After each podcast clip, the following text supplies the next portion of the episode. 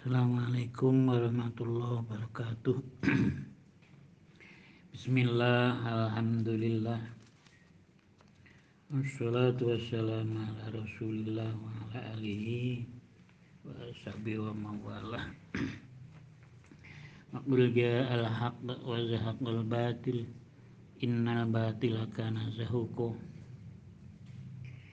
Bismillahirrahmanirrahim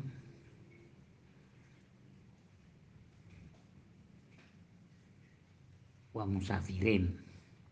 Wa itu sihati filiha salah satu asya. Al awalu darul ikoma allati yastautinha al adadul mujammi'una.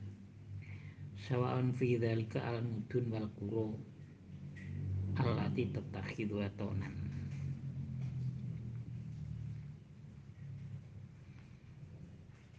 dan musafir.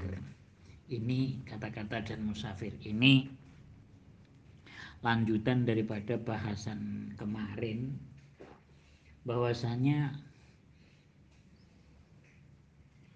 orang yang tidak wajib melakukan Jum'ah tidak wajib beliau tapi ada yang sah ada yang tidak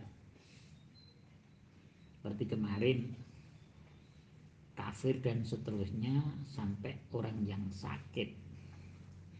Nah, di sini termasuk musyafir. Orang yang sedang bepergian. Itu pun tidak wajib melakukan Jumatan. Jadi orang musafir itu gak wajib kalau kalian pergi ke Surabaya mamanya gak wajib untuk Jumatan. Cuman kalau Jumatan itu boleh dan sah. Hmm, itu boleh dan sah. Jadi musafir itu mempunyai hal-hal yang memperbolehkan tidak wajib melakukan jum'ah karena musafir itu adalah hal-hal yang berat ya. Sehingga hal yang berat seperti ini tidak termasuk hal-hal yang mewajibkan Jum'ah. Tapi sekali lagi saya katakan kalau toh memang musafir ini melakukan Jum'ah itu tidak apa-apa dan sah-sah saja. Gitu. Lah teman-teman dalam permasalahan musafir ini kapan dia perginya? Wayahrumu ala man tazamu al jum'atu as-safaru bada fajri yaumiha.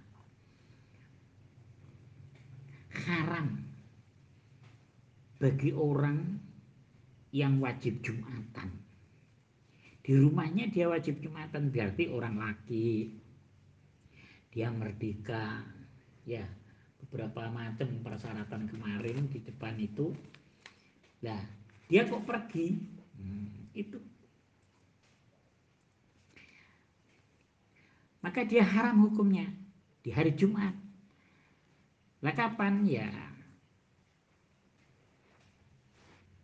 Ya mulai daripada fajar hari itu. Jadi setelah fajar kalian kok pergi? Itu haram hukumnya di hari Jumat. Kecuali kalian mempunyai keyakinan, mempunyai kemungkinan bahwasanya di tujuan nanti saya akan bisa Jumatan. Ini berarti boleh, tidak haram perginya. Atau saya nanti belum sampai tujuan, pergi saya ke Surabaya. Tapi nanti kalau waktu Jumatan saya masih di jalan, atau di jalan dia mempunyai keyakinan untuk bisa jumatan. Itu juga nggak haram paginya berangkat. Gitu. Atau dia takut ditinggal teman umpamanya. Nggak wajib jumatan juga. Umpamanya satu satu semayan ya nanti di terminal atau di stasiun kereta jam setengah satu. Ya dari paginya berangkat nggak apa-apa cuman mempunyai keyakinan nantinya kalian masih ada kesempatan untuk melakukan Jumat.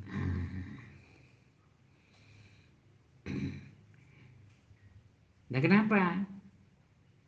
Kok setelah zawal, belas zawal atau setelah fajar dia kok haram permasalahannya apa? Iya karena itu sudah dikatakan hari Jumat berarti kalian menghindar daripada Jumat itu sendiri kalau tidak ada keyakinan nantinya di perjalanan atau di mana itu kamu bisa melakukan Jumat. Sehingga ada satu makalah mengatakan Waqad warada annal musafiro yamal jum'ati yadu alaihi malakahu.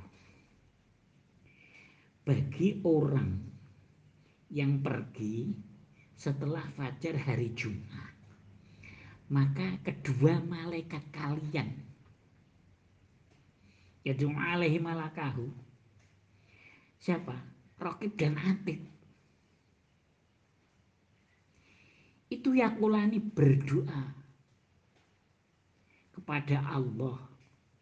Semoga orang ini tidak diselamatkan dalam perjalanannya. Itu doanya malaikat, dua malaikat. Makanya kalau memang pergi di hari Jumat harus yakin bahwasanya nanti ada Jumatan di mana kalian ada tujuan gitu ya jadi jangan sembarang di hari Jumat pergi, pergi, pergi. Enggak. Sudah, itu kelanjutan yang kemarin Pak Musafirin itu. Wasyara itu sihati fi'liha. Sekarang syarat sahnya mengadakan Jumatan. Saya mengadakan Jumatan itu sahnya bagaimana? Tapi maaf teman-teman, ini adalah memakai madhab syafi'i ya jadi kalau kalau lainnya Syafi'i itu permasalahannya lain. Sudah mulai kemarin saya katakan bahwasanya ini adalah menurut Imam Syafi'i. Dalam permasalahan ini syarat sahnya melakukan melakukan Jumatan adalah wujudul adati kamilan min awalil khutbah ilang tibo ilang tibo sholah.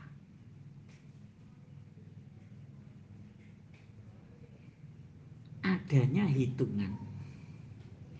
Berarti kalau saya mengatakan hitungan ini adalah 40 biar itu 40 sama imamnya ataupun 40 di luar imam berarti 41 hmm, gitu. Jadi yang penting saya katakan ini adalah hitungannya. Hitungan jamaahnya itu harus sempurna 41 mulai dari awalnya khutbah sampai pada akhirnya sholat Jadi awalnya khutbah sampai akhirnya salat itu harus tetap ada orang 40. Ini yang pertama, menurut Imam Imam Syafi'i. Jadi kalau sampai ada mendirikan Jumat tidak tidak komplit 40, ya tidak sah Jumatannya menurut pendapat Imam Syafi'i. Tapi kalau menurut pendapat lain, ya mungkin nanti di belakang dijelaskan. Masalahnya biasanya kalau kitab Syafi'i ini yang dijelaskan dulu adalah Imam Imam Syafi'i.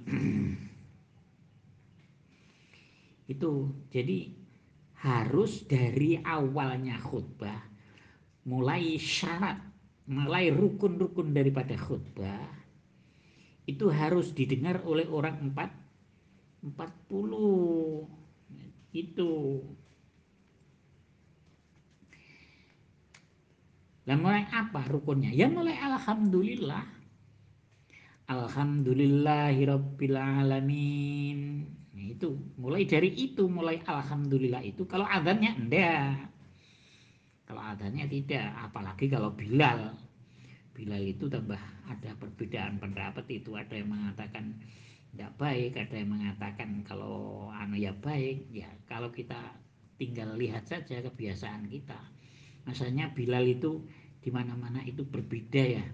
Di daerah Jawa sini mungkin nggak sama dengan Kalimantan, Kalimantan yang Kalti mungkin yang Banjar atau mungkin Sulawesi atau mungkin mana itu kan nggak sama. Itu Bilal makanya. Karena apa? Karena itu berbeda pendapat di antara ulama-ulamanya di waktu dulu. Itu ya. Jadi mulai alhamdulillah sampai ingkido isola sampai assalamualaikum. Ya. Itu harus ada empat puluh kalau sampai kurang. Lam yuhsab ruknun minha.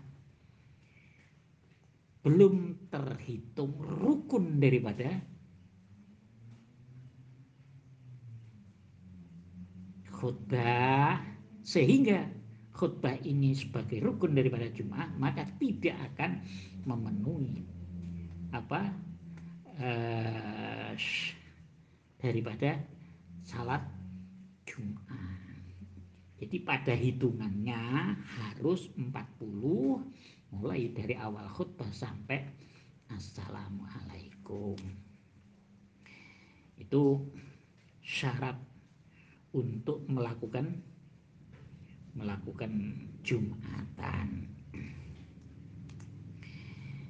Lah, dalam permasalahan Jumatan ini ada beberapa permasalahan. Seandainya dalam Jumatan itu ada ta'adud, ada hitungan. Kan kemarin pernah dibahas dalam permasalahan Jumat. Kalau Jumat itu ada dua dua Jumatan bagaimana? Sekarang saya jelaskan. Kalau toh Jumatan ini ya ada dua lah di situ ayako aman tulani. Apabila dilakukan sama bareng maka kedua-duanya batal.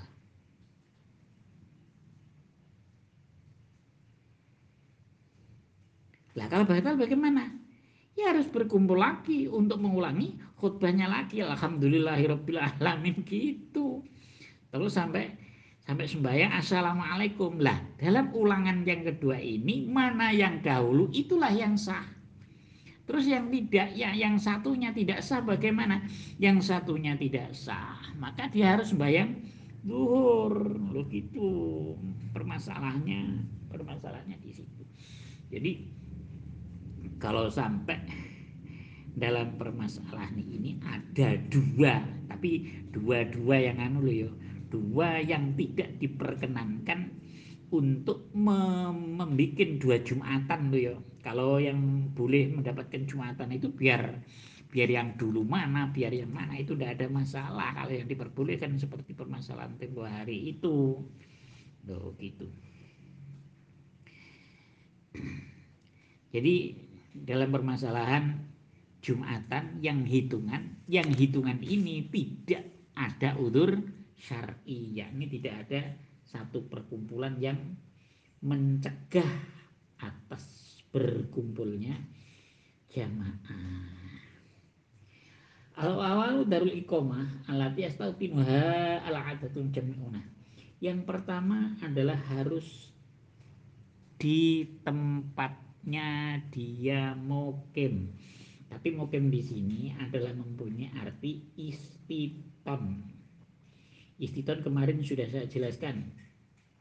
Di antara mukim, mustautin, musafir. Jadi kalau mustautin ini adalah orang yang tidak akan pindah-pindah tempat di waktu kemarau dan waktu hujan. Jadi dia ya ya memang niatnya tetap di situ. Itu.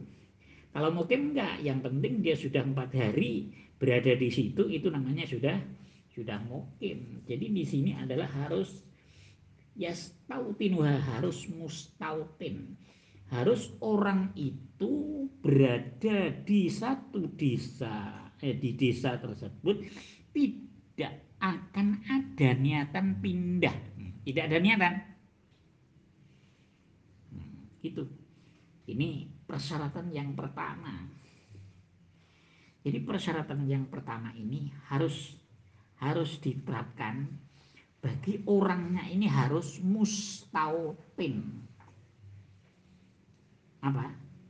Harus berada alati yuqimu fi adati fa'ilul jum'ah. Orang-orang yang bertempat di tempat yang melakukan Jum'ah dalam artian dia tidak ada persangkaan, dia tidak ada keyakinan untuk berpindah tempat di waktu kemarau dan waktu penghujan kecuali ada kebutuhan. Kalau ada kebutuhan itu permasalahannya lain.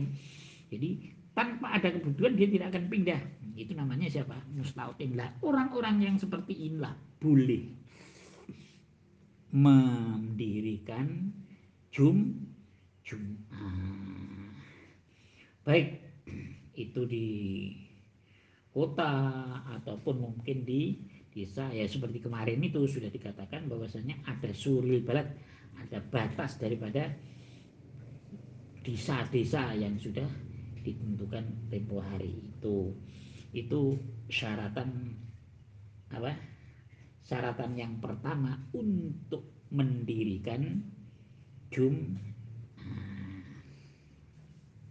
Nah, dalam permasalahan hitungan ya ini harus harus harus benar-benar orang 40 sama imamnya atau 40 di luar imam. Dalam artian 40 ataupun 4 satu. Ini menurut Syafi'i Syafi'i.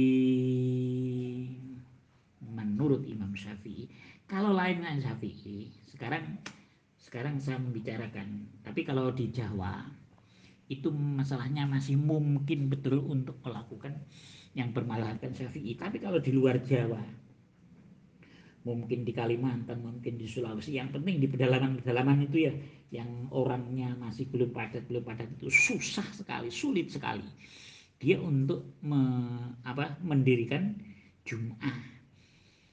Karena apa? Karena di sana itu tidak sampai 40 itu susah sekali untuk untuk satu masjid itu yang ada orang orangnya 40 itu susah sekali. Lah bagaimana? Yang penting di situ ada istiton, mustautin, orang yang bertempat di situ walaupun dua itu boleh nantinya mendirikan untuk Jum'ah. Nah, pendapat eh, Jumatan dalam hitungan Jumatan dalam perbedaan di antara ulama itu ada 15. Diingat-ingat teman-teman khususnya dari teman-teman yang di luar Jawa yang agak di pedalaman-pedalaman satu tan aqidu bil wahid. Wa huwa qaulu ibn hazm. Wa alaihi falatu syaratu al jamaah. Menurut pendapat Ibnu Hazm maaf loh ya ini biar mengikuti siapa dan siapa yang penting ada di antara beberapa ulama yang bisa berpendapat yang bisa di, diikuti jadi yang pertama adalah pendapat Ibnu Hazm itu melakukan jumatan dengan sendirinya itu boleh. Lo aneh kan? Kan nggak pernah dengar ya seperti itu. Tapi masa melakukan jumatan dengan sendirinya? Bagaimana kalau kita di hutan mungkin? Nah gitu. Atau di desa yang sekiranya dia dia dia mukim ya boro di hutan masuk bleng terus di sana cocok tanah mana kan sudah ikomah namanya. Nah, ini Bagaimana? Nah, itu hanya satu umpamanya. Terus yang kedua, hanya dilakukan dengan dua orang. Ini menurut pendapat Imam Nakhoi. Dua orang boleh melakukan Jumat orang-orang yang di luar Jawa sekali lagi saya katakan orang luar Jawa boleh hanya imam dan makmumnya saja itu melakukan Jum'ah menurut pendapat Imam Imam Nakhai. Ini bukan Syafi'iyah loh ya. Jadi ada jalan untuk tetap melakukan Jumatan kalian yang di pedalaman-pedalaman. Hmm, gitu. Jadi yang kedua adalah hanya dengan dua orang. Asali subisna ini ma'al imam. Menurut pendapat Abi Yusuf ya. Dan Alais. Dua orang makmum imamnya satu. Berarti tiga orang. Ini boleh juga melakukan Jumatan. Lah khutbahnya bagaimana? Ya khutbah. Khutbah khutbah khutbah itu karena khutbah itu termasuk yang diwajibkan dalam Jum'ah. Nah, terus siapa yang dikhutbahi kalau tiga ada, tapi kalau dua, eh kalau satu bagaimana ya nggak tahu. Tapi yang penting ada pendapat yang seperti itu loh gitu loh. Jadi kalian apabila ada Jumatan 12 atau 20 atau 15 jangan jangan terus akhirnya nggak Jumatan memang dia bertempat di situ dan istiqam di situ ya lakukan aja Jumatan berapa orang yang ada itu. Jadi diingat lagi, yang nomor tiga adalah imam satu, makmum dua. Menurut pendapat Abi Yusuf. Yang nomor empat, bisalah satin al imam. Tiga makmum, satu imam. Ini menurut pendapat Abu Hanifah dan Sufyan Asawi. Jadi Abu Hanifah, Hana Abu Hanifah berpendapat bahwasanya tiga orang satu imam itu boleh untuk melakukan cuma lah khutbahnya bagaimana? Ya khutbah itu saja. Makanya khutbah itu ambil aja yang pendek-pendek. Jangan khutbah panjang-panjang. Hmm, gitu. Jadi diingat-ingat loh ya. Yang keempat makmumnya tiga imamnya satu. Menurut pendapat Abu Hanifah yang kelima adalah bisat atin. Berapa? Tujuh menurut pendapat Ikrimah. Jadi tujuh orang itu sah. Tapi kalau enam nggak sah menurut Ikrimah. Tapi kalau enam nanti dia akan diterima oleh Abu Hanifah. Kalau tiga akan diterima oleh Abi Yusuf. Loh gitu loh ya dalam masalahnya itu. Makanya apabila kalian di luar Jawa dan di pedalaman dan ya berapa aja orang lakukan untuk Jumatan? Gitu aja nggak apa-apa. Hmm, itu ya. Jadi yang ke berapa tadi? Yang kelima adalah menurut Ikrimah itu boleh dilakukan orang tujuh. Yang ke enam orang sembilan menurut Imam Robi'ah jadi hanya orang sembilan boleh. Yang ketujuh, bisne asyara, orang dua belas itu boleh melakukan Jum'ah. Ya. Orang berapa? Dua belas. Nah, ini menurut pendapat Imam Malik. Nah, yang kedelapan itu adalah Ninda Ishak. Itu berapa? Ya 12. Itu menurut pendapat Abu Ishaq. Yang ke sembilan atasi bi isrin orang 20 itu menurut pendapat Ibnu Habib dari Imam Malik. Orang 20 terus yang selanjutnya orang 30 demikian juga menurut pendapat Ibnu Habib. Yang ke-11 adalah bi arba'ina wa minhum al-imam. Orang 40 termasuk imamnya. Ini pendapat siapa? Pendapat Imam Syafi'i. Dan orang 40 tanpa imam, berarti 40 saja itu sudah pendapat eh sudah sudah sah menurut Imam Syafi'i. Jadi kalau kita mengikuti Imam Syafi'i dan yang mungkin ada orang 40, ini harus ada 40 mulai dari awal khutbah sampai akhir sholat. Kalau tidak seperti itu, tidak sah menurut Syafi'i. Hmm, gitu. Jadi Imam Syafi'i ini dua pendapat yang satu adanya 40 sama imamnya, yang satu 40 di lain imamnya berarti ada berapa? 40 41. Nah, itu. Ini pendapat Imam Syafi'i. Yang ke-13, orang 50. Menurut siapa? Ahmad bin Hambal. Jadi menurut Imam Ahmad seperti itu 50 kalau kurang 50 ya nggak boleh. Nah, ini kan berat ini Imam Ahmad ini. Kalau yang tempo hari Imam Ahmad itu ringan-ringan, makanya yang sedang-sedang itu adalah Imam Syafi'i. Yang ke-14 adalah orang 80. Yang ke-14, yang ke-15 adalah jam'un kasir min ghairi hasrin. Jadi yang penting kelompok banyak tanpa dihitung. Ini adalah yang paling baik sendiri.